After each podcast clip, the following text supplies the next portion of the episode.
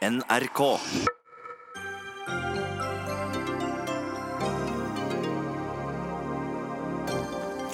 Mens eh, diabetespasienter i Sverige for lengst nyter av ny teknologi, utsettes den samme teknologien stadig i Norge. Ikke fordi den er for dyr, men fordi det er frykt for at den går utover personvernet til pasientene. Kina har landet på månens bakside og skrevet romfartshistorie, men bryr noen seg? 2019 blir bompengeåret fremfor noe, mener NAF, og angriper regjeringspartiet Frp for at bilistene fortsettes å flås.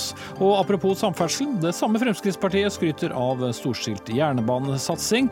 Det er det nok, men den er blitt belønnet med den laveste punktligheten på sju år.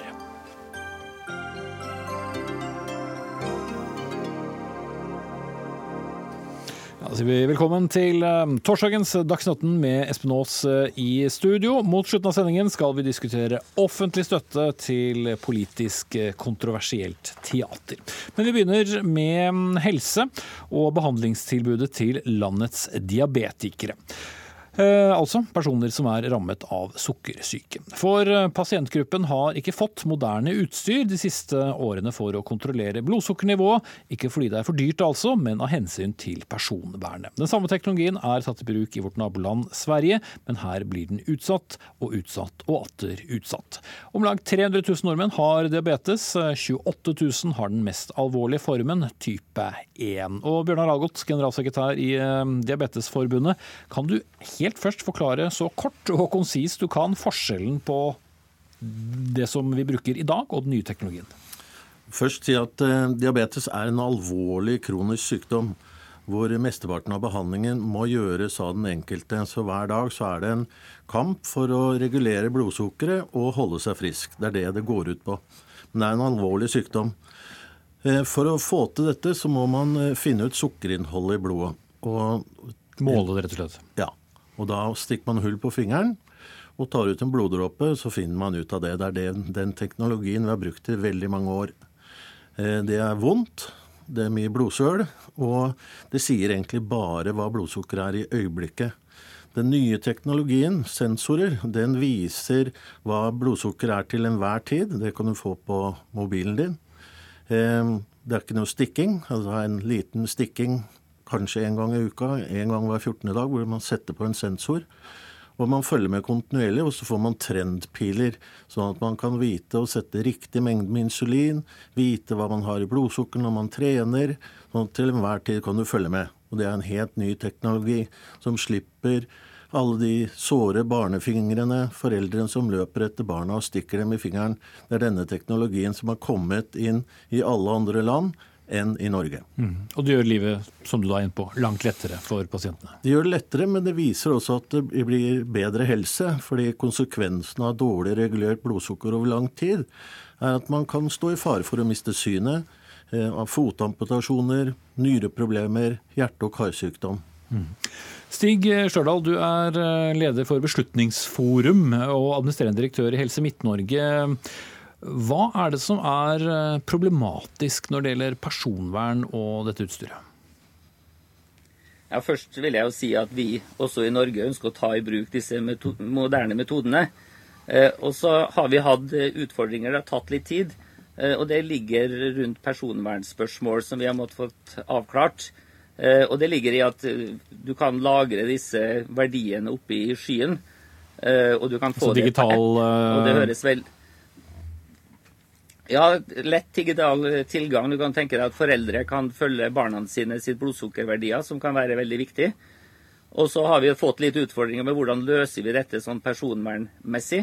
Og så vil jeg jo si at vi nå ser at vi, vi skal finne en god løsning, og jeg tror at vi snart skal være i mål. Men hva er det med eh, barns blodverdier som er en potensiell trussel mot eh, personvern? Nei, det er jo sånn at alle verdier eh, om, om forhold i kroppen, for å si det sånn, hos pasienter, det er jo sensitive data. Så vi må være sikre på at disse dataene lagres på en god måte. Eh, slik vi ser at det kan løses nå, er sannsynligvis at eh, pasientene, eventuelt pårørende for barn, inngår en avtale med leverandøren, gir et samtykke, og at vi da fra helseforetakssiden må sikre at det gjøres på en trygg og forsvarlig måte. Er det en uh, grei forklaring, Algot? Pasientsikkerhet ja, er vel opptatt av? Det er absolutt, og det er viktig. Vi har viktig lovgivning på det i Norge. Men her er det en ekstrem tolking av personvernloven. Det må det være. I Sverige har man mange år brukt dette utstyret. Sverige har verdens beste behandling av barn med diabetes. Ikke bare pga. dette utstyret, men de tar tidlig i bruk utstyret. De har samme lover og regler i andre EU-land.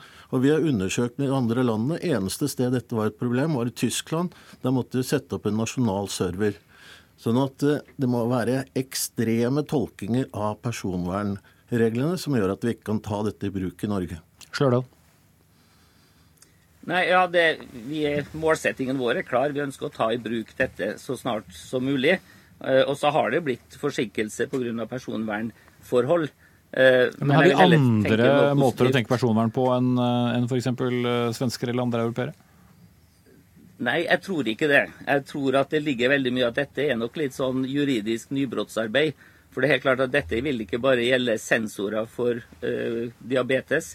Dette vil jo etter hvert gjelde sensorer på mange områder og mye nytt utstyr som kommer. Så jeg tror jo at den jobben vi nå har gjort med avklaringer, vil også være positivt for det utstyret som kommer framover, også innenfor andre sykdomsgrupper.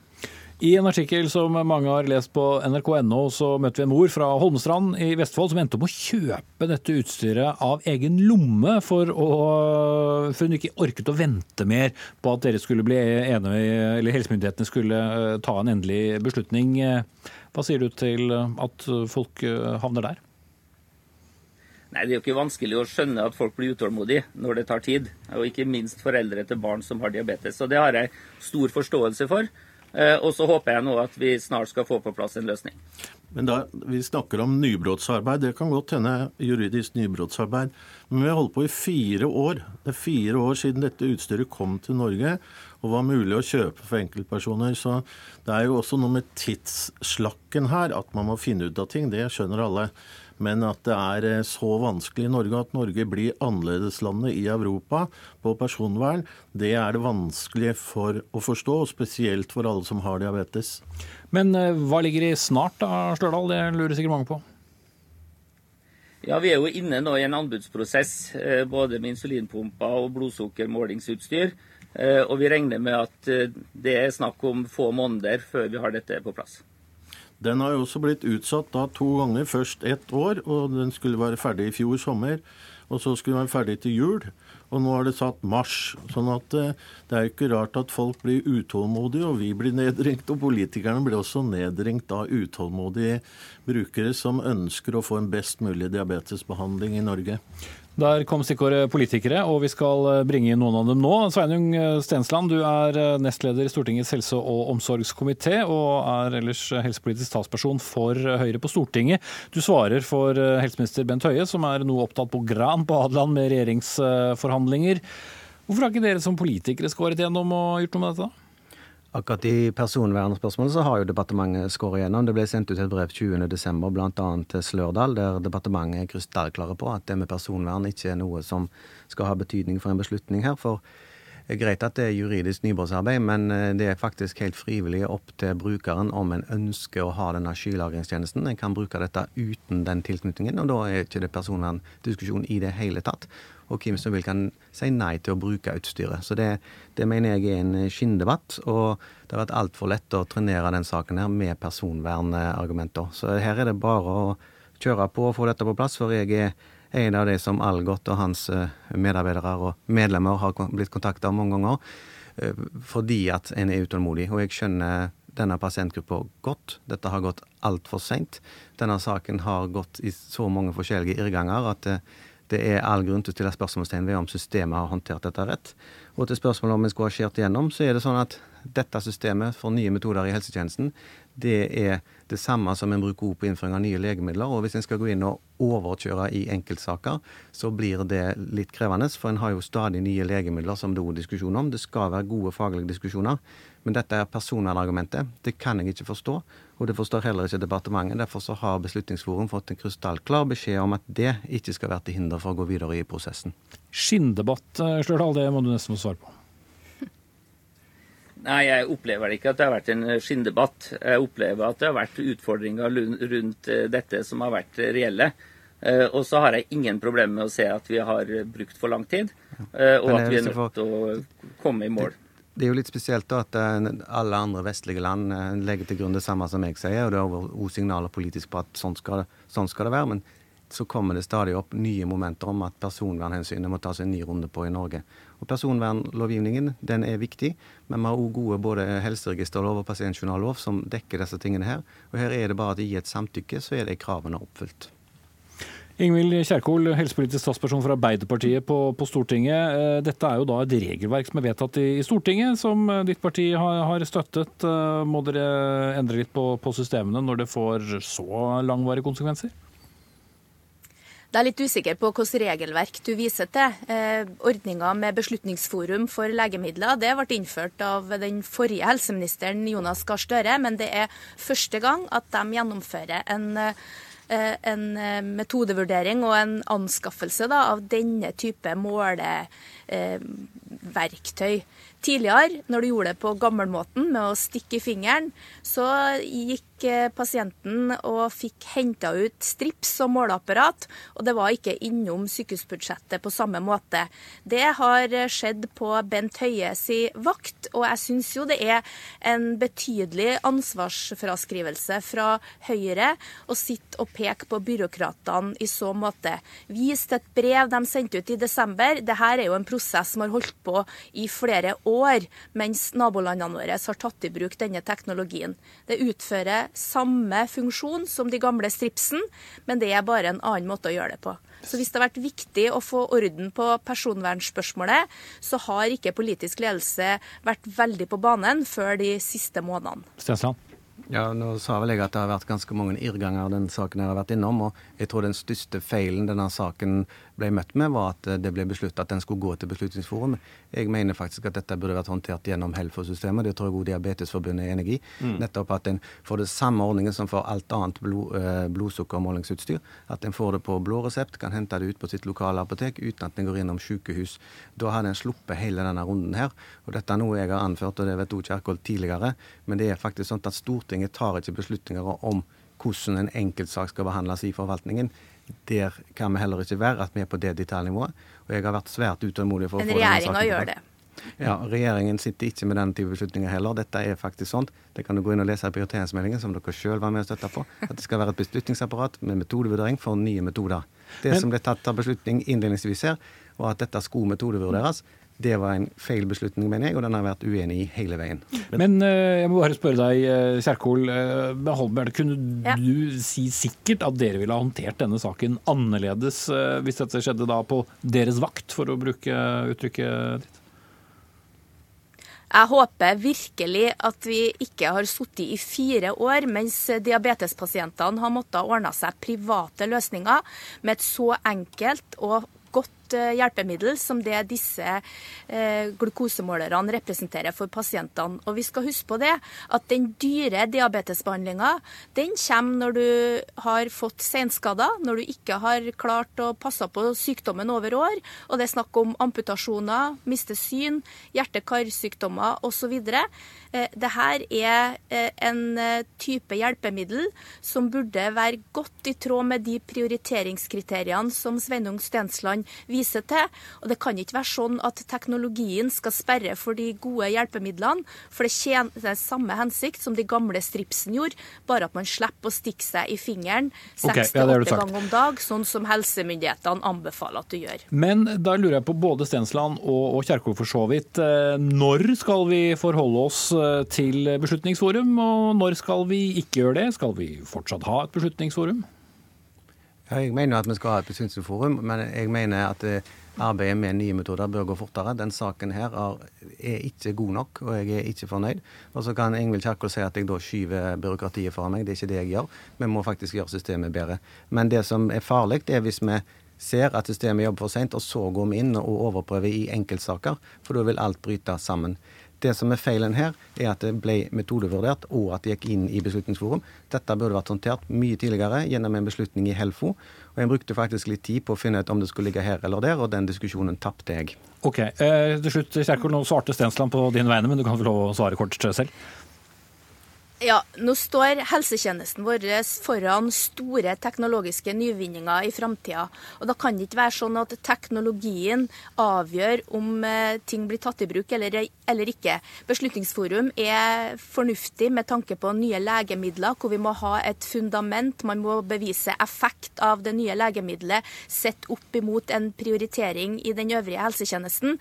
Men når ny teknologi skal tjene samme funksjon som gammel, da eh, er ikke dette en fornuftig måte å gjøre det på. Det viser erfaringer med disse glukosemålerne. Det tjener ikke pasientens beste å ha et sendrektig system hvor man rett og slett ikke får gjort de gode prioriteringene. For det her er eh, et bra hjelpemiddel som vil hindre mange senskader, og det er besnærende å se til Sverige, hvor de har klart det her på okay, en ubyråkratisk måte. Det var alle enige om. Jeg må nesten bringe helt til slutt, ja. Stig Slørdal. Ble du noe klokere på hva ditt mandat er fremover av dette?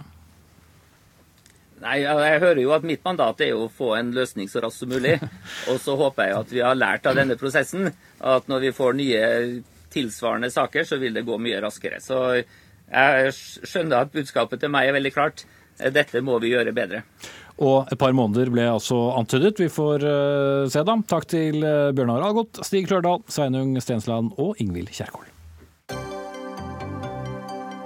Dagsnytt 18 alle hverdager kl 18.00 på NRK P2 og NRK2.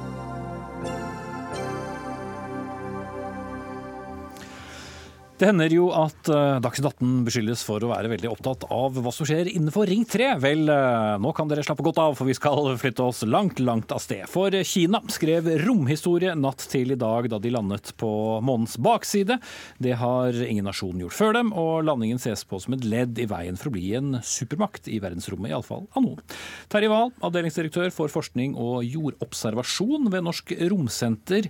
Hva slags betydning har denne landingen, hvis vi først holder oss til det sånn rent eh, romfartstekniske? Ja, Det er jo en eh, milepæl i og med at de har gjort noe som ingen andre har gjort tidligere. Nemlig å lande på baksiden av månen, hvor du ikke kan ha direkte radiokontakt fra jordas overflate til dem. På den annen side så har jo NASA landet enda større farkoster på Mars, som er veldig mer vanskelig. Så det er en blanding mellom en begivenhet og solid eh, ingeniørarbeid. Mm. Halle Sandberg, du følger romfartsnyheter her i NRKs uh, nyhetsavdeling. Hvor, hvor, stor nyhet uh, var dette? Det var litt sånn overraskende at man begynte å konsentrere seg om uh, månen. Vi har vært opptatt av ting langt, langt lenger unna, som, som hva sier her? Kina har vært opptatt av månen i lang tid. De har et ganske langt program gående for å utforske månen og gjøre sånne signaloppdrag på månen. Dette er helt klart det vanskeligste og største de har gjort til nå.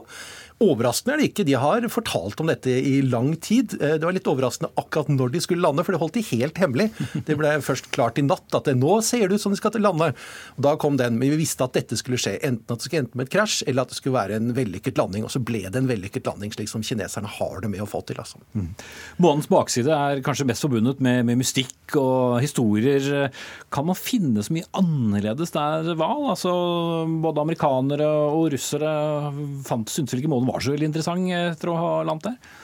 Ja, eh, Baksiden er jo eh, den er litt annerledes når det gjelder geologien der de har landa. Så de har, Fra forskjellige vitenskapelige perspektiver så har de valgt et ganske lurt sted å lande. Og Det som er unikt med baksiden, det er jo at de er skjermet for radiostøy fra jorda. Så det er det perfekte stedet for å sette opp eh, radioastronomiteleskoper. Altså lytte på stråling fra andre galakser og sorte hull og hva det måtte være. Fordi man da ikke blir forstyrret? Eh, fordi man ja. ikke blir forstyrret av eh, signaler her fra jorda. Så Sånn sett så er det en del vitenskapelige grunner for hvorfor det er lurt. Men ellers så er det de er mest opptatt av i øyeblikket, er jo kraterne nær Sydpolen på månen. Hvor man mener at det befinner seg is nede i de kraterne. Så vi vil nok se stor interesse i årene framover for flere ferder til månen. Mm. Mange har jo vært opptatt av at det koster så mye å, å drive med, med romfart. Programmer har blitt uh, avsluttet. Men kan vi her se en slags antydning til uh, det som vi husker fra mange år tilbake som et slags romkappløp? At uh, interessen øker fra store makter? Havet sammen? Det er nok en våt drøm blant romfartsentusiastene at det skal bli et nytt sånn månekappløp, og da, da mellom Kina og USA. USA har ikke signalisert at de er så veldig villige til å gjøre noe slikt. Nå tenker vi altså på å lande lande mennesker på månen igjen, som liksom er langtidsplanen til eh, kineserne. Noe slikt kappløp som det er ikke amerikanerne interessert eh, i å gjennomføre. Amerikanerne vil lage en base som flyr rundt månen, altså en romstasjon rundt månen. Og kineserne lukter litt på det som Wahl sa her, nemlig også lage en base nær Sydpolen på månen, for da få tak i is, som igjen da fører til vann og drivstoff for raketter, og også at det kan leve mennesker der. Men noe sånn stort kappløp der, det store kappløpet, det er om Mars. Mm. Og det er noe som kommer. Mm. Kan man bruke denne månen til noe? Altså, den er jo veldig nær, da, i motsetning til Mars, som er fryktelig langt unna.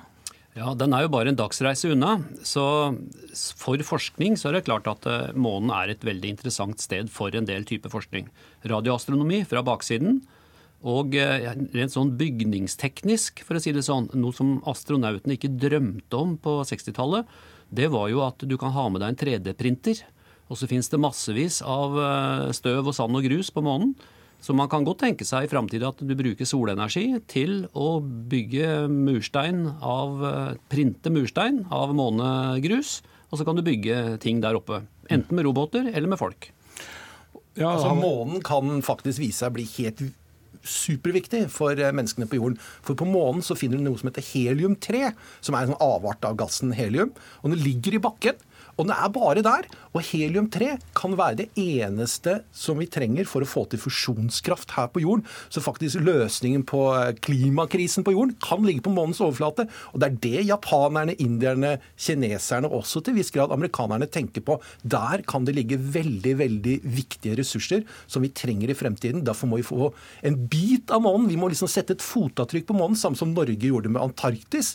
Så gjør de dette her nå. Det er det kineserne driver på med. Vi har vært der der. Vi er der. Vi eier en del av disse ressursene som eventuelt kan utvinnes fra månen. Ja, Det var litt jeg ville nå, det politiske. Altså, hvem eier månen?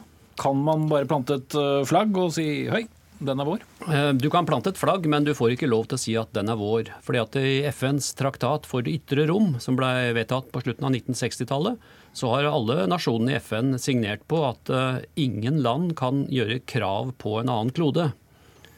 Eh, men det betyr ikke at du ikke kan drive økonomisk virksomhet, eller du kan ta med deg litt stein hjem, men du kan ikke si at denne kloden er vår.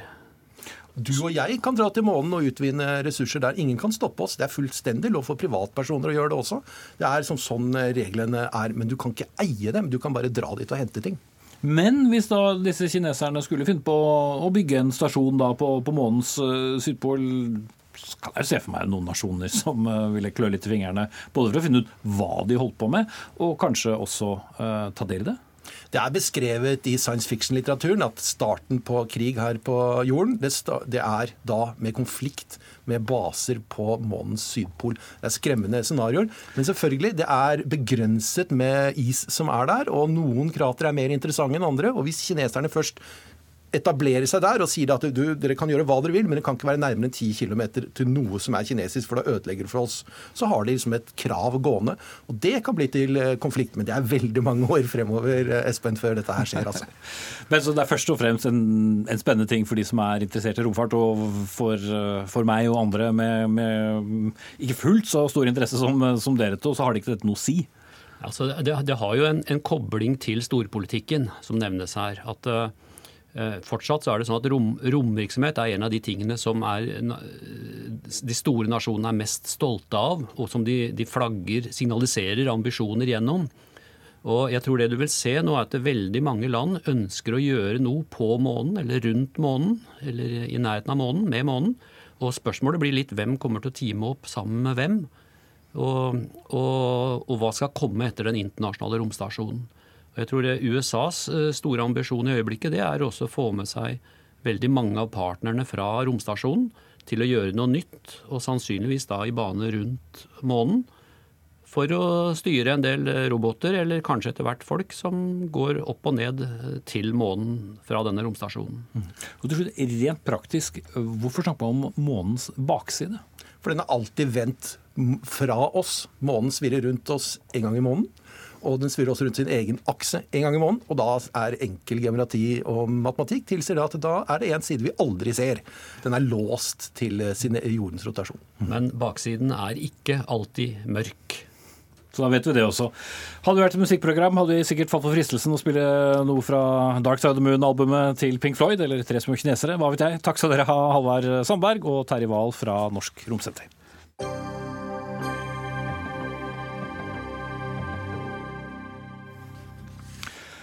Vel, vi klarer eh, åpenbart å sende fartøyer til månen, men klarer vi å bli enige om eh, hvem som skal betale for veiene i landet? Vel, se det kan kanskje være vel så vanskelig. Bompengeregningen til bilistene kommer iallfall til å stige i 2019, sier NAF, bilistenes egen interesseorganisasjon. For i løpet av året kommer det åtte nye bompengeprosjekter rundt omkring i landet. I tillegg skal bompengeringen i hovedstaden utvides til 54 stasjoner. I fjor betalte hver bilist i gjennomsnitt 4300 kroner i bompenger, ifølge P4, og dyrere skal det bli. Eh, Camilla Ryste, du er eh, kommunikasjonssjef i NAF. Vi har sett protester i Oslo, Bergen, Fredrikstad og på Nord-Jæren.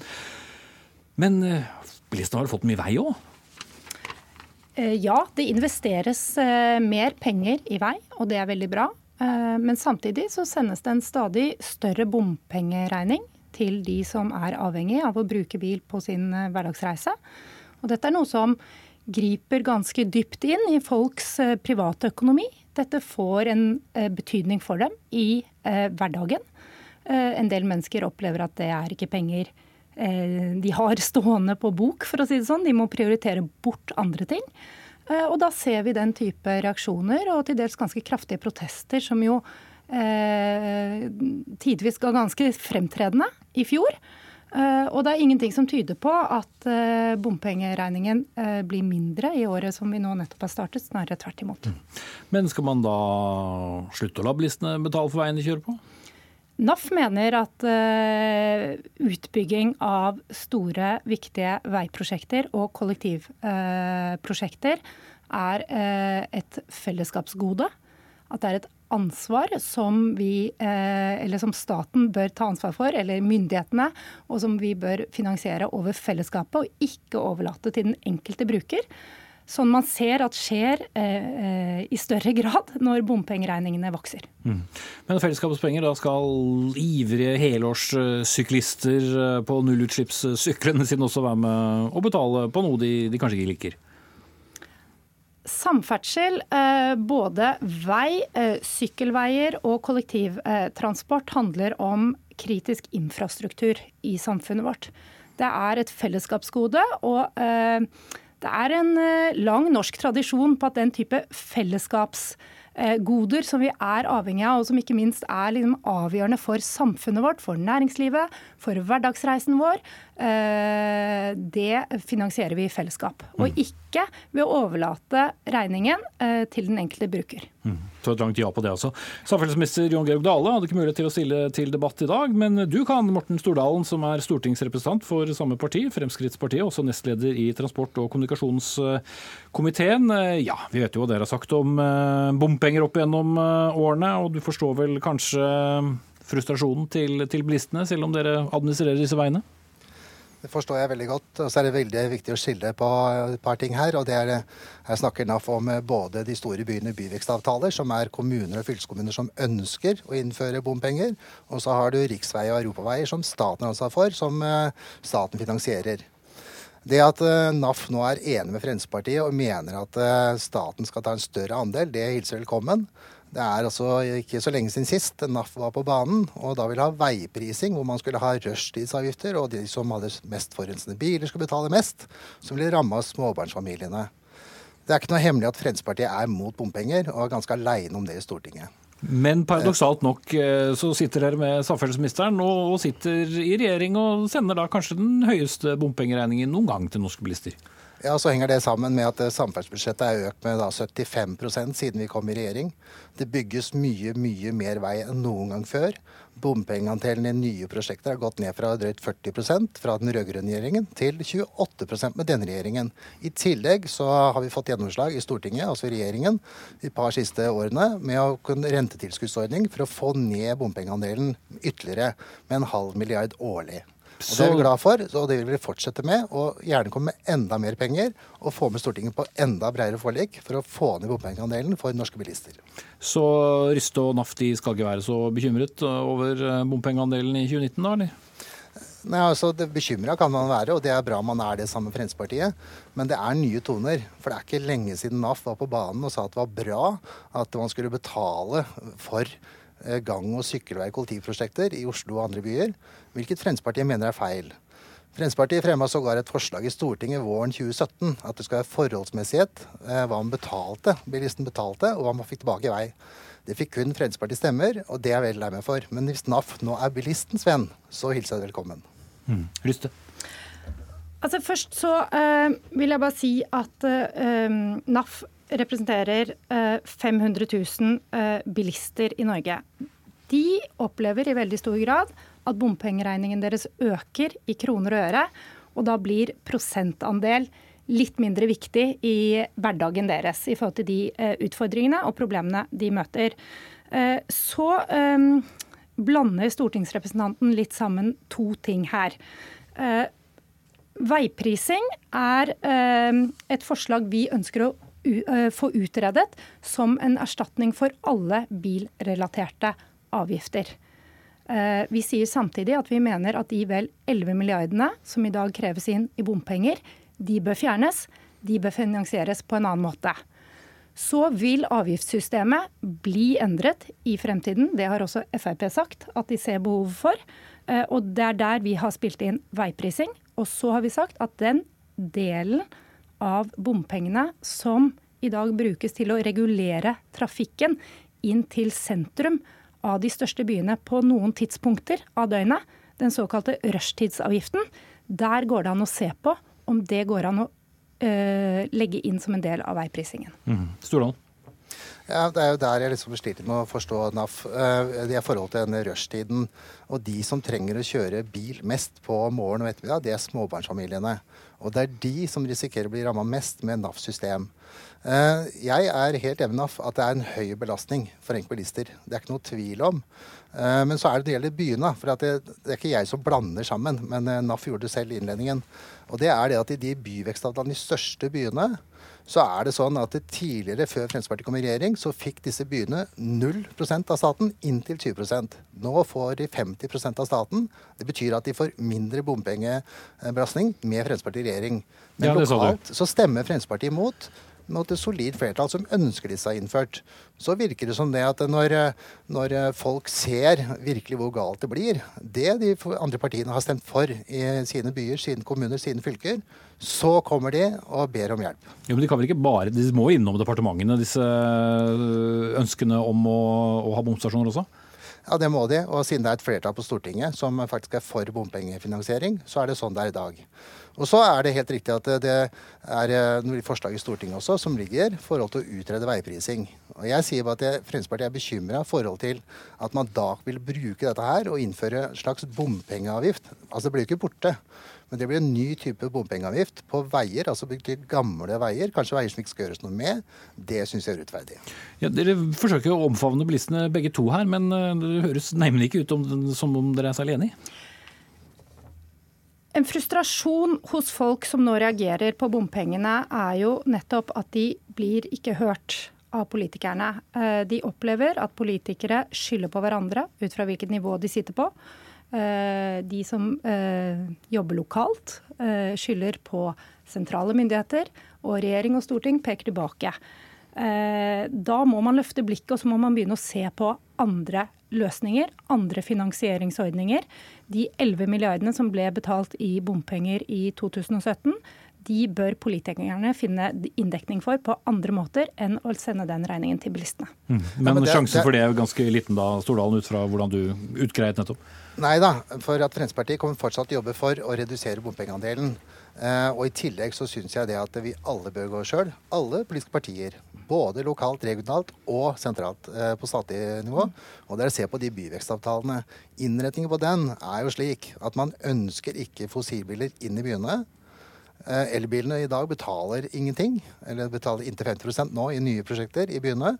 Men det betyr at regnestykket går ikke opp. Og så ble dette lagd et system etter klimaforliket 2012 der at eh, det gikk på nullvekstmål. Men den gangen var det 5000 eh, elbiler i Norge. Nå nærmer det seg 200 000. I de store byene så er snart et flertall av de bilene går på el. Slipper ikke ut noen ting. Og det betyr at eh, jeg tror vi må se på en helt ny innretning for å hjelpe de største byene for å trafikale utfordringer i framtida. Mm. Jeg skulle til å lage et ordspill på at vi ble stående bom stille i den debatten, men vi ble ikke det. Men jeg kan i hvert fall sette penger på at det blir flere bompengedebatter i Dagsnytt utover året. Takk til Camilla Ryste, kommunikasjonssjef i NAF, og Morten Stordalen, stortingsrepresentant for Frp.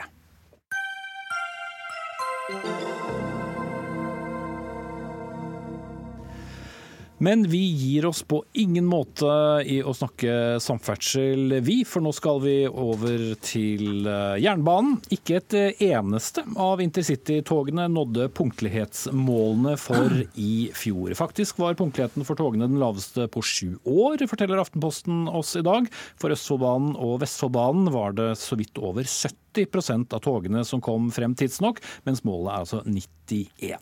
Bjørn Kristiansen, eh, konserndirektør for kunde og trafikk i Bane Nor. Dere eier da altså skinnene i Norge. Hvorfor får dere ikke da togene frem i tide? Ja, For det første vil jeg si at vi er jo ikke veldig fornøyd med at eh, punktligheten går noe ned i det året som vi har lagt bak oss. Og eh, Hovedårsaken til dette er to ting. Eh, kanskje den aller viktigste. Det er jo at vi på noen av strekningene sitter med veldig gammelt materiell. Dvs. Si ikke materiell togmateriell, men signalmateriell. Og eh, Noe av det er kanskje 30-40 år gammelt. og På et eller annet tidspunkt så vil det svikte når vi bruker det mer. Og det gjør vi nå. Vi har aldri kjørt så mye tog som vi gjør nå i Norge. Bare de siste Eh, to til fire årene så har vi økt med 20% bare rundt Oslo-området. og Det er klart at det eh, påvirker dette. Men jeg hører om signalfeil, så hører jeg jo om togpassasjerer langt, langt unna der hvor signalfeilen oppstår. Og der tror jeg kanskje en del lurer på hvorfor dette blir så voldsomt fatalt når det oppstår en signalfeil. Ja, noe av den største utfordringen er at eh, togene som går rundt Oslo, de går ikke bare mellom Oslo og f.eks. Lillestrøm. De går i et system som går bl.a. fra Lillestrøm og helt til Drammen. og Det betyr at de skal gjennom en ganske stor maskin som heter Oslo S. Og Vår største utfordring ligger i strekningen mellom Oslo S og Drammen. Der har vi store utfordringer med å få eh, tekniske til å fungere 100% og Det er der vi har hatt eh, utfordringene, og det betyr at det rammer både Østfoldbanen og eh, også selvfølgelig da de andre lange strekningene. Mm. Var det noen gang man ikke hadde problemer på den strekningen? ja, de siste syv årene har det faktisk gått veldig bra. Mm. Og vi er veldig fornøyd med det. Eh, det som er dilemmaet vårt, er at når vi bruker sporet så mye som vi gjør nå, så krever det vedlikehold. Og vi bruker mye ressurser nå, både dag og natt, for å sørge for at disse sporene holdes oppe. Det er en veldig veldig viktig fokus hos oss for tiden. Mm. Ja, Vi har jo kjørt uh, jernbane siden 1864 i dette landet. og Kristoffer Lundeby, du er pressesjef i NSB, og dere kjører jo fortsatt brorparten av togene her uh, i landet. da. Uh, er det også din forklaring til kundene på at de ikke kommer frem i tide, eller får tog når de skal? Det er et veldig stort etterslep, som Kristiansen sier, på, på infrastrukturen. Og det er hovedårsaken. Og så er det noe som, eh, som, vi opplever, og som vi eh, har ansvaret for, det er å få kunder eh, inn på togene i tide. Og stasjonsopphold, for lange stasjonsopphold, er vår viktigste akilleshæl for å få punktligheten Altså få folk raskt nok av på toget? Ja. Der står togene litt for, for mye, og det har igjen å gjøre med at vi opplever en enorm passasjervekst år etter år. Mm. For, eh, men det tror mange som hører på nå, lurer på. ok, Kjipt for de som pendler mellom Drammen og Oslo, men jeg kjører aldri der. Men uh, toget mitt kom heller ikke spesielt bra ut uh, på, på, denne statistikken. Er det da passasjerene til Lundeby som får ta skylden for det, Kristiansen? Eller uh, er det dette eldgamle togmateriellet her også? Nei, altså nå har vi, det samme, vi har det samme signalanlegget i hele landet. Eller ikke samme, men vi har samme type. Vi er i ferd med å bytte det, og det vil nok hjelpe ganske kraftig. Eh, vi trenger nok noe ekstra eh, vedlikehold rundt akkurat denne strekningen jeg har nevnt nå, og det har vi en dialog med Samferdselsdepartementet for å få til. Eh, så er det nok også riktig som, som det påpekes, at vi sliter i, i rushtiden. Og, og, vi bruker mye krefter på dette, og Østfoldbanen har vært snakket mye om. Men hovedårsaken til dette er jo at de togene er smekkfulle, og at det er trangt på sporet. Og alle de togene som Fordi at jernbanen er, er et stjernemønster. Og det betyr at de aller fleste togene skal gjennom denne Oslo-maskinen. og det er en akilleshæl for oss på alle mulige måter når den ikke er 100% Og det er her vi sliter litt. Men går det an å løse, eller er forklaringen bare Vær så tålmodig dere bare kan. Dette er ikke løsbart på kort sikt. Nei, dette er løsbart. Det, ene, det er to virkemidler til dette. Det ene er rene vedlikeholdspenger og midler til dette. Noe som vi jobber intenst for oss å få til. Og det andre er å skifte det gamle utstyret. Og det har vi startet med. Vi har fått penger til det. Vi startet eh, et opplegg nå for oss å bytte over til moderne og, og signalstyringssystemer. Eh, første er østre linje, som er allerede i drift og fungerer veldig, veldig bra. Og vi starter nå på Nordlandsbanen og Bergensbanen fortløpende. Og så går det videre nedover gjennom hele landet. Mm. Alt som handler om samferdsel har noen ganske sånne lange baner, hvis jeg kan bruke det uttrykket. Hvor raskt er raskt i, i din verden? Nei, nei, altså, dette er et ekstremt komplisert system som skal inn. Og jeg skulle ønske at jeg kunne si at dette går mye fortere enn det det gjør, men vi er nok ikke ferdig før i 2030 for hele landet. Men uh, uten at det er noen uh, trøst, så er det vel sånn at vi er vel de raskeste i hele Europa til å kunne gjennomføre dette. Men, men uh, vi har dessverre et etterslep som er alt, altfor stort. Mm. Det er elleve årskort, det, kjære togpassasjerer.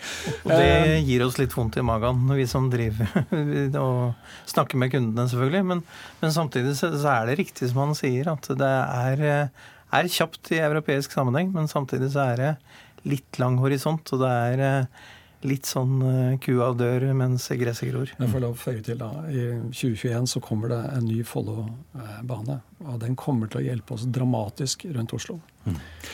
Eh, Morten Stordalen, du er stadig med oss, eh, stortingsrepresentant for Fremskrittspartiet og første nestleder i transportkomiteen, og stiller ettersom Jon Georg Dale ikke kunne stille.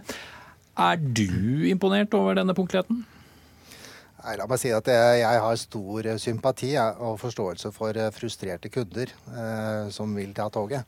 For det, det vi hele etterstreber, det er jo rett og slett å få gjøre det attraktivt og, og lukrativt å kunne ta toget. Men da må vi kunne stole på at det går til tiden, kommer fram til tiden. Og så tror jeg det er nok et sammensatt problem, og det sier også Bane NOR. Det er jo et enormt vedlikeholdsetterslep over årtier. Så det er jo ikke noe som har oppstått plutselig. Eh, hvis du tar de siste års budsjetter, eh, siste i hvert fall tre-fire år, så har vedlikeholdsetterslepet skulle gått ned med bevilgningene som er gitt. Så Sånn sett så er jo ikke det årsaken nå. Men det er rett og slett årtier med mangel på vedlikeholdsetterslep. Og så går det mye, mye, mye, mye, flere tog ut fra Oslo S i dag. Det er vel over 100 avganger. Det vet sikkert både Bane NOR og NSB kanskje bedre enn meg. Men, men, det er ikke noe tvil om at det er en stor belastning. Og så er det noen ting da, som man kanskje ikke kan noe for, som vi ikke skal skylde på noen for. Det er solslyng på sommeren f.eks. Det er ikke så godt å liksom uh, kunne forberede seg på og unngå. Men så har du kanskje noe med vinterdrift. Det å kunne holde linjer åpne både for trær eller snø eller hva som helst, det handler om planlegging og god kommunikasjon mellom Bane NOR og NSB og andre aktører. Men bare for å være konkret på, på det praktiske her, da, Stordalen. Er dette da praktiske eh, problemer, og ikke politiske problemer, eh, som eh, sikkert mange kunder lurer på? Det som i hvert fall har skjedd nå de siste året og to, det tror jeg er mer praktisk enn bevilgninger. Eh, for man har i hvert fall rost at det har vært skye bevilgninger som har gjort at man nå får man endelig gjort noe. Og Det er liksom simlende nærmere 9 milliarder men husk, for 2019 som går til eh, vedlikehold og drift av, eh, av infrastrukturen på jernbanenettet i Norge. Det er jo enorme summer. Og så håper jeg jo det at vi skal kunne få det bedre. For det er klart når det nærmer seg 70% punktlighet på intercity og Østfoldbanen, det er for dårlig. Mm. Men uh, har du tillit til at Bane NOR gjør den jobben de skal? da? Ja, vil gjerne det, og jeg har stor tro på Vil gjerne det, men har du det? Ja, men jeg, vet hva, jeg har stor tro på og håper inderlig at man nå setter seg ned, alle aktørene som skal sørge for at folk skal kunne ta toget. Og sette seg hva kan vi gjøre ut fra de ressursene vi har eh, på kort og lang sikt. Og så vet vi med signalanlegg altså det investeres enormt, det er helt riktig. Og det er helt avgjørende for å kunne få ut effekten og kunne få en mer punktlighet og få opp frekvensen på jernbanen. Mm. Jeg vet ikke om det var et ja eller nei? Ja ja, jeg har tillit. Arne Nævra, stortingsrepresentant for eh, SV. Eh, er det et politisk ansvar når vi leser om de togforsinkelsene som vi gjør i Aftenposten i dag, eller eh, handler det om at Bane NOR og NSB kan gjøre ting bedre? Så Det var jo en ganske stor sånn ansvarsfraskrivelse fra um, Stordalen her, syns jeg. da. Altså, Bane NOR lever jo ikke i et vakuum. Altså, Den har jo en politisk ledelse i Samferdselsdepartementet. Og det er et etterslep nå på ca. 18 milliarder kroner ved utgangen av 2018. Og Lederen for Bane NOR, Gård Frimannslund, han sa jo da i et intervju med Aftenposten i fjor var det vel, at han regna med et etterslep på rundt 25 milliarder om seks år. Så det er økende, dette her etterslepet. Og jeg må jo si det at det er politiske grep som skal til, og det går først og fremst på budsjetter hvert eneste år. Man kan jo godt skylde på... bruker mer penger enn den rød-grønne regjeringen på jernbanen? da? Ja, men sånn må det jo bli når passasjerene øker så voldsomt. Altså, alt øker jo. Vi hadde jo en fordobling mye på siste rød-grønne året på eh, vedlikeholdet, og det satte jo egentlig veldig mye i gang. Men altså, jeg orker ikke å snakke om før og nå. Vi eh, kom veldig godt i gang, og det, eller uten de bevilgningene så tror jeg nesten jernbanen kollapsa eh, når de tok over. Mm. Men i alle fall, man kan ikke skylde på vær og vind, fordi at uh, vær og vind kommer, og det kommer enda mer av det. Og det man må være forberedt på. Men sier du nå at det bare må sprøytes enda mer penger inn, og så løser vi dette? Ja, så jeg tror Når det gjelder vedlikehold, så er det penger som skal til. Og eh, Det er nå engang sånn at både signalanlegg, eh, skinner, hele infrastrukturen, det trenger eh, penger. Og det er det det står på i stor grad. Det verste er vel egentlig at jeg tror det blir verre. Pga. den, den der såkalte jernbanereformen som de driver med. og oppsmuldrer ansvaret i mange selskaper, som gjør at nesten ingen får uh, det totale ansvaret. Det syns jeg er veldig, veldig skremmende. Mm. Men det er jo Bane Nor fortsatt som har ansvaret for jernbanelinjen. Jeg skal bare få deg til å svare på det som, som Nevra sa her, Stordalen. Ja, nei, altså det er, det er, jo feil som Nevra sier, at det, på en måte han fraskriver ansvaret. Det er ikke det det handler om. Overhodet ikke. Men det er eh, å lytte litt også hva Bane Nor sier. Det er årtier med eh, mangel av vedlikehold. Og det er Jernbanen er komplisert. Det tar tid. Og denne regjeringen har satsa på jernbane. Det tror jeg alle har fått med seg. Og så er det frustrerende for kunder særlig, som ønsker å ta toget, og ikke kan stole på at det kommer når du tror det skal komme, og ikke kommer fram når det skal komme. Og Det er jo helt avhengig av, for det handler om kombinert mobilitet. Jernbanen er, eh, den Stasjonen ligger gjerne et sted du ikke bor, og skal til et sted du ikke skal. Eh, og Det betyr at du må ha noe i hver ende som eh, kombinerer, og du kan stole på. Og Det nytter ikke da med så lav punktlighet. Fremskrittspartiet kommer fortsatt å satse massivt på jernbanebevilgninger på østlandsområdet, intercityområdet. Det bygges enormt mye ut. Det skal bli bedre. Men det er klart, jeg tror det er flere sammensatte årsaker til at den punktligheten er så lav som den er nå. Og jeg tror flere kan gjøre mer ved å sette seg ned sammen og se hva skal til nå for å få dette bedre enn det er i dag. Ja, Kollokviegrupper om bedre punktlighet. Kristiansen, eh, tror du på det, eller mer penger? Nei, Det er nok bare ett svar på dette, og det er mer midler til å kunne drive vedlikehold av de sporene vi har. Det er ingen tvil om at den, den tettheten, togtettheten vi nå kjører rundt Oslo, krever mer vedlikehold enn vi noen gang har hatt. I et godt eksempel på dette, i 2011-2012 så fikk vi 1 milliard for å pusse opp Oslotunnelen. Og det ga en enorm effekt på punktligheten i den strekningen. Det vi mangler nå, er resten av den strekningen. Og vi har sagt veldig tydelig at vi ønsker å prioritere dette, og det gjør vi nå. Så, det, så, I lys av den, eh, at vi nå sitter og sliter med punktlighet akkurat det året vi har vært gjennom, er at vi nå fokuserer og kanaliserer mer av vedlikeholdsmidlene våre til denne strekningen. Mm. Og Det er også, og det, det sier du til de som sitter på Bergensbanen, Sørlandsbanen, Nordlandsbanen og alt, at det også deres punktlighet vil komme opp bare dere får ryddet opp rundt Oslo? Det vil hjelpe dette, altså, fordi at alle disse togene skal gjennom Oslo. Og sånn at det, det, vi har sett på, er at det, bare den strekningen mellom, eh, mellom Oslo og Drammen 60% av alle våre tog går på denne strekningen. Så det betyr at det klarer vi å få opp denne strekningens punktlighet. Og ikke nok med det, forsinkelse der påvirker 80% av alle togene våre. Så det er klart at vi er nødt til å satse på den strekningen hvor vi i dag sliter. Og noen av disse stedene er ekstremt vanskelige, sånn som bl.a. Skøyen og Lysaker, som dere kanskje har hørt mye om. Vi er nødt til å få orden på dette, men det koster ganske mye penger. Og det har vi prioritert. Og vi trenger litt drahjelp på dette fra, for oss å få til dette. Men det har vi da en veldig god dialog med Samferdselsdepartementet for å få til. Ja, Åpne litt mer på lommeboken, eh, Stordalen?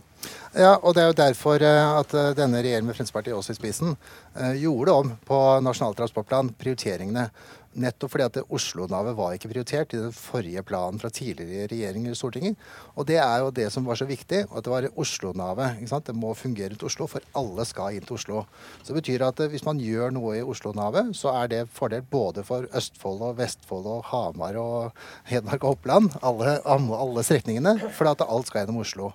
Og det, er, og det, er, jo det vi må ha litt tålmodighet til. da, Å sørge for at man får de riktige midlene. Mm. Og ja, så skal vi gjerne dialog for å se om vi kan prioritere enda mer til Oslo-navet. Høres ut som Arne Nævra er litt mer utålmodig?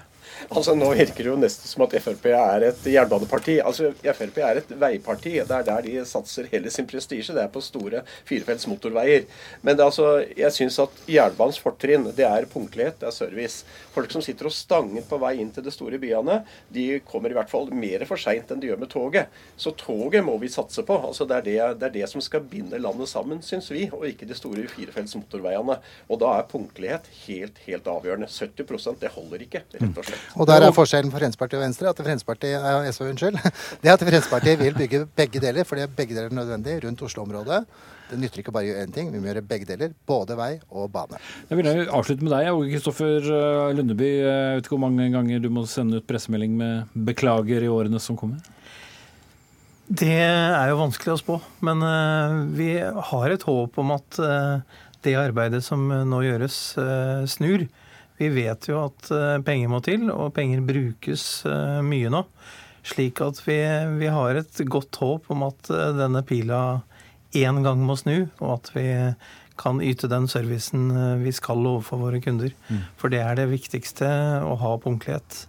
Du må jage passasjerene litt raskere ut og inn av togene, og dere må ordne opp i, uh, på skinnegangene. Vi får håpe at uh, ja, toget kommer på, på skinner til slutt, iallfall. Takk til uh, Morten Stordalen og Arne Nævra fra henholdsvis Fremskrittspartiet og Sosialistisk Venstreparti. Bjørn Kristiansen fra Bane NOR og Kristoffer Lundeby, altså fra NSB. Hør Dagsnytt 18 når du vil. Radio NRK Radio.nrk.no. Vi avslutter denne sendingen eh, kulturelt, men eh, for all del med et innsmett av politikk der også. Teatret Black Box stykket 'Ways of Seeing' har skapt bølger og sterke reaksjoner etter at det ble satt opp før jul. Mange har nok hørt om det. I forestillingen ble bl.a. huset til justisminister Tor Mikkel Wara filmet, og senere ble hus og bil hos ham tagget ned, bl.a. med ordet rasist. Bør staten betale for en slik kunst? Nei, sier en forfatter som mener at skattepengene bør gå til å motvirke polarisering og hatretorikk, øke den. Og forfatteren sitter her i studio, heter Eirik Husby Sæther. Du skriver en kronikk i Dagbladet i dag at det er høyst problematisk at staten bidrar til å støtte opp om dette stykket. Begrunn det. Ja, Vi har jo hatt en lang tradisjon på at vi skiller person fra politikk. Det er fornuftig. Og jeg syns det er rart at et teaterstykke eller en forestilling som skattepengene våre går til, eh, gjør det såpass privat da, at de drar inn huset til Vara, en politiker. Og flere andre hus. Og flere andre, Når det er en forestilling om et såpass alvorlig tema som, som rasisme. Da. Det er stort, det er et tungt tema. Og så drar de inn privathuset hans, som ikke har noe som helst betydning for denne eh, forestillingen og, og det temaet. Og det at de drar det inn, legger til grunn at man kan tenke seg tanker som kan være skadelige. Da, at man kan forestille seg at han skal da privat være ansvarlig og ha skyld i i disse tingene som forestillingen tar opp. Mm. Så det burde aldri vært gitt penger? til eh, Forestillingen skulle selvfølgelig vært holdt, men det er problematisk at skattepengene går til det. Eh, fordi, fordi, de tar dette grepet. De kunne ha filmet Stortinget, de kunne ha filmet Justisdepartementet. Eh, de kunne filmet mye annet, men når de filmer hjemmet hans, så blir det såpass på siden eh, at det bør ikke skattepengene våre gå til. Det skaper hat, ikke forståelse, og da faller det ned på en side av kunsten som ikke gagner samfunnet. Mm. Lillian Bikseth, teateranmelder i Dagbladet og Norsk eh, Shakespeare Tidsskrift. Din avis har sågar forsvart dette stykket på lederplass. Jeg får så legge til at vi har invitert Blackbox hit, men eh, de kunne ikke komme. Er dette et så problematisk stykke som, som Sæther hevder? Nei, det er det ikke. Um, Selv med de konsekvensene? Uh, Ways of Seeing handler om overvåkning, og det handler om premisser for overvåkning. Det handler om hvem som legger premissene for overvåkning. Som en del av denne utgreiinga så snus blikket. Ja, og premissleverandørene, makthavernes hus, blir vist for å da synliggjøre overvåkning. Uh, Varashuset er som sagt ett av mange her. Det er også flere andre hus som vises. Adresser oppgis ikke, det oppgis områder. Og det er tatt to hensikter med å vise disse husene. Det ene er å vise overvåkning som overvåkning. Det andre er å synliggjøre hvilket samfunnslag disse personene tilhører. Mm. Er dårlig trøst for, for, familie som opplever dette? da? Det er jo um, ikke forbudt verken for familie eller andre å reagere personlig på noe, men for hvis de personer som har sett dette, vil jo se at eh, inngripen i privatlivets fred er betydelig mindre enn det myten og debatten rundt skal ha det til. Mm. Ja, ja. Inngripen i form av en tennladning inn i bensintanken er jo alvorlig, da? Det er, vi kan ikke ansvarliggjøre forestillinga for at noen har begått hærverk. Mm. Så derfor skal du fortsatt få som, eh, offentlig støtte, som eh, er blitt av poenget her? Etter min mening så bør teatrene stå fritt til å programmere det de ønsker å programmere. Black Box Teater har fått støtte til å drive en vertsscene for frie teatergrupper over mange år. I tillegg har Pia Maria Roll, som har skapt denne forestillinga, fått støtte til å lage denne forestillinga spesifikt til to forskjellige støtteordninger. I begge er det snakk om en et maktprinsipp, en armlengdes avstand-prinsipp, der staten bevilger penger til struktur, til drift, og der en kunstnerisk ledelse velger hva som er interessant, relevant å vise innunder dette, og det er en frihet jeg vil forsvare helt og holdent. Mm. Ville vi kanskje tillagt Kulturdepartementet eller hvem det skulle vært et slags sånn redaktøransvar nærmest for teaterstykker her? da? Ja, altså som, som, forfatter så er man jo utsatt for det. Når jeg skriver en bok, så blir den uh, på en måte vurdert. Og jeg får ikke gitt ut den hvis ikke de kan stå inne for det. Uh, og jeg får heller ikke stipend. Men vurderes jo lokalt, da? Altså din, uh, ja, din redaktør i ditt ja, da, forlag? Ja. Så, men jeg syns jo det, det, med at man, det med at man Jeg ser på dette grepet som veldig spekulativt, da, at de filmer husene. Uh, og Det er ikke noen av oss som ville vært del av en sånn forestilling hvor de ville filmet husene våre. Det har man i praksis på at man ikke gjør. Og det at man på en måte snur det og tror at man skal vise en annen makt, uh, på en måte balanse, blir, blir uh, merkelig. Det man jo gjør, er at man, man peker det ut som, som, som, personer og retter et slags hat mot de at de her har skyld i disse maktstrukturene. Eh, ikke sant? Og det kunne man holdt seg for god for. Kunne... Men det ble vanskelig å trekke en grense da, for hva som er greit, og hvem skal ta den, den avgjørelsen hvis ikke ja, teatret så, så? Som jeg ser det, så kan kunst kan gjøre hva de vil.